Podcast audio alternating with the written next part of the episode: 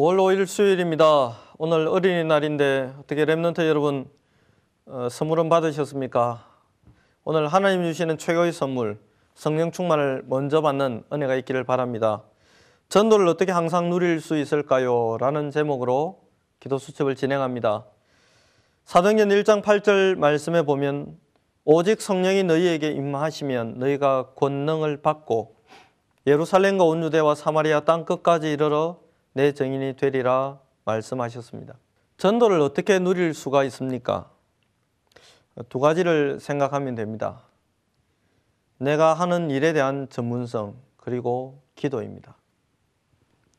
우리는 세상 사람과 달리 300% 전문성을 가질 수 있습니다. 첫 번째는 일에 대한 전문성 100%입니다. 그리고 나와 하나님과의 관계에 대한 전문성 100%입니다.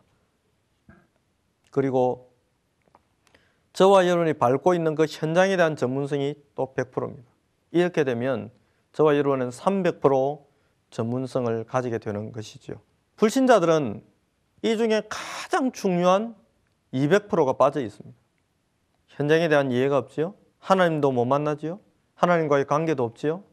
그러면 정말로 저와 여러분이 하나님과의 관계성에 대한 비밀을 최고로 누리고 우리가 현장을 제대로 이해하고 분석하고 기도하고 있으면 우리는 불신자와 경쟁하지 않고 싸우지 않고도 완전 승리하고 완전 응답받는 그 길을 걸어갈 수가 있죠. 이것을 항상 유지하는 것이 굉장히 중요합니다. 그렇지 않으면 다른 사람을 살릴 수 없고 또 전도할 수 없습니다. 그래서 오늘의 기도, 오늘의 전도, 오늘의 말씀을 회복하자는 것입니다. 전도 전문 합숙 시대가 열렸습니다. 전도 전문 훈련원이 개설되었습니다. 뭐만 하자는 겁니까? 정말로 일 속에서 공부 속에서 인간관계 속에서 나 24시간 속에서 하나님의 전도를 제대로 찾아내 보자는 것입니다. 그렇게 할 때 하나님 얼마나 축복하실지를 한번 우리가 누려보자는 것이죠. 아브라함이 318명의 제자를 얻었습니다. 전도했습니다. 그리고 318명의 제자를 데리고 그 지역을 완전 장악게 했습니다. 전도는 어마어마한 하나님의 축복이고 응답입니다. 내가 성공해야 전도할 수 있습니다. 무엇에 성공해야 한다고요? 일에 대해서, 하나님과의 관계에 대해서, 현장 보는 눈에 대해서 성공해야 합니다. 그렇다면 어떻게 해야 합니까? 첫 번째, 성경 66권에서 전도에 대한 것을 계속해서 찾아내야 합니다. 성경 66권에는 포로, 노예, 속국에 대한 기록, 전쟁에 대한 기록, 많은 기록들이 있습니다. 이 성경 속에서 우리가 제대로 봐야 할 부분이 어떤 부분입니까? 전도에 관한 부분입니다. 전도의 비밀을 누릴 때, 선교의 비밀을 누릴 때, 복음을 제대로 붙잡고 누릴 때 그들은 그 어마어마한 길들을 통해서 복음을 수출했습니다.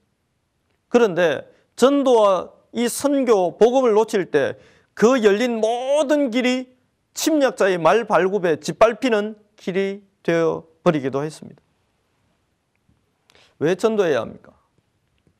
전도는 하나님의 절대 계획입니다. 이 전도의 비밀을 누리지 못하면 포로로 노예로 속국으로 끌려가서 전도해야 합니다. 다니엘이 느헤미야가 그러했습니다. 끌려가서 전도했습니다. 끌려가서 비, 비로소 깨달았습니다. 끌려가서 비로소 임마누엘을 회복했습니다. 끌려가서 노예되어서 포로 되어서 비로소 거기에서 전도의 눈이 열린 것입니다. 포로되지 않고 전도의 비밀, 성교의 비밀을 누린 위대한 인물들이 있습니다. 그가 바울입니다. 그가 요셉 같은 인물입니다. 이러한 축복을 여러분이 전도의 눈을 가지고 성경 속에서 발견하는 축복이 있기를 바랍니다. 남한 집에 끌려갔던 어린 하냐 하나가 동네에서 놀다가 들판에서 놀다가 갑자기 납치돼서 끌려가 가지고 남한 집에 있었습니다. 남한을 향해서 이를 갈아야 합니다. 그런데 이 친구는 전도의 비밀을 가지고 나만을 바라보다가 중요한 해답을 던졌습니다.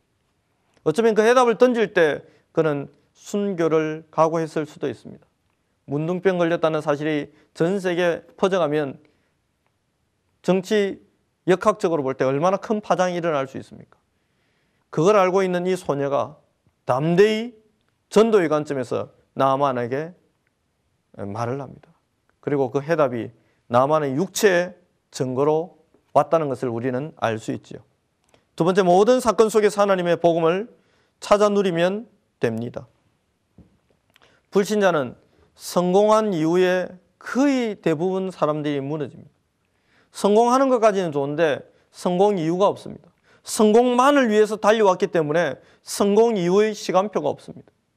그래서 쾌락을 쫓고 명예를 쫓고 권력을 쫓다가 결국 허망하게 죽어가는 것을 우리는 목격할 수 있습니다. 지금 문화를 보며 전도에 대한 것을 또한 우리는 이해해야 합니다. 성경과 사건을 계속해서 전도의 눈으로 보기 시작하면 여러분의 삶 속에 성령의 인도, 성령의 충만, 성령의 역사 이러한 부분들이 샘솟듯이 올라오는 것을 보게 될 것입니다. 작은 일 속에 하나님의 전도 계획이 있습니다. 문제 속에 하나님의 선교 계획이 있습니다.